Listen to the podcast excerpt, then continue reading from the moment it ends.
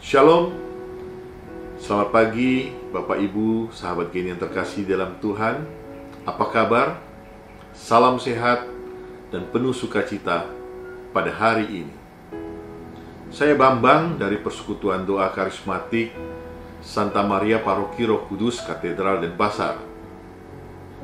Bacaan hari ini kita ambil dari Injil Yohanes bab 6 ayat 30 sampai 35 yang mengatakan bukan Musa yang memberi kamu makan roti dari surga melainkan Bapakula yang memberi kamu roti yang benar dari surga.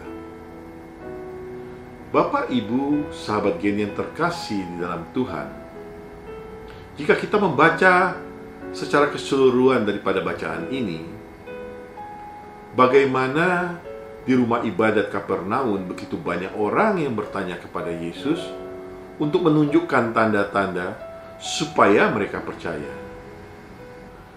Mengingat selama ini mereka dikenyangkan oleh roti mana, roti yang menopang orang Israel dalam pengembaraan mereka di padang gurun bersama Musa.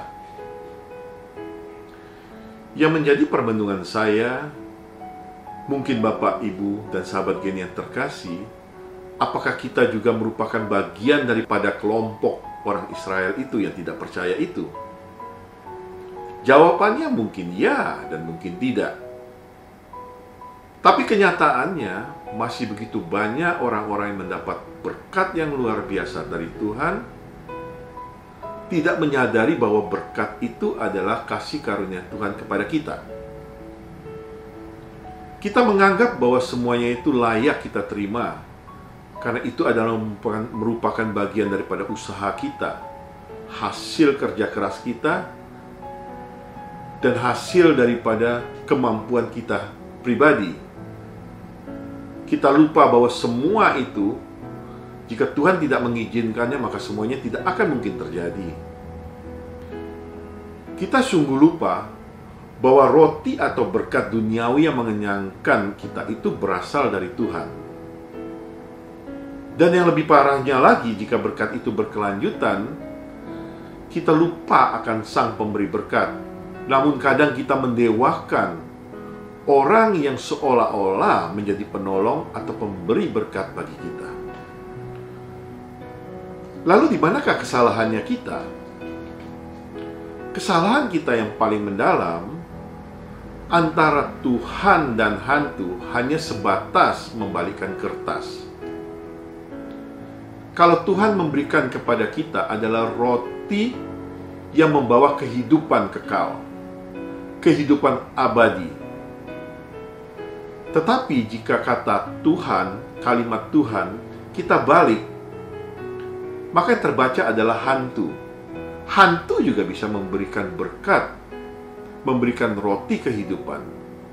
Tetapi yang membedakan adalah roti kehidupan daripada hantu tidak akan abadi. Kita sering kali mengalami kesulitan akan minta-minta tanda-tanda dari Tuhan seperti orang-orang Israel agar kita percaya pada Tuhan.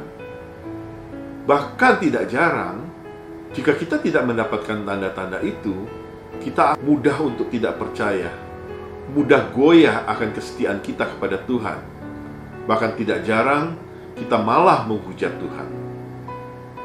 Lalu apa yang kita harus lakukan agar kita percaya? Di dalam ayat 35 mengatakan, Akulah roti hidup. Barang siapa datang kepadaku, ia tidak akan lapar lagi dan barang siapa yang percaya kepadaku, ia tidak akan haus lagi. Jelas Yesus ingin menekankan kepada kita, jangan kita mencari roti yang hanya mengenyangkan tubuh kita, kemudian kita lapar lagi. Dan juga jangan minum yang bisa membuat kita haus lagi.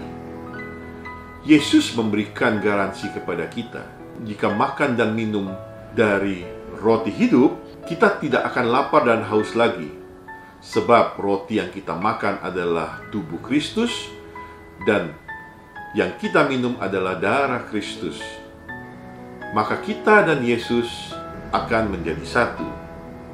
Semoga dengan bacaan hari ini kita diingatkan bahwa Yesus Sang Pencipta dan Pemberi kehidupan bagi kita adalah roh kebenaran yang dicurahkan Bapa di surga bagi kita melalui Yesus putranya.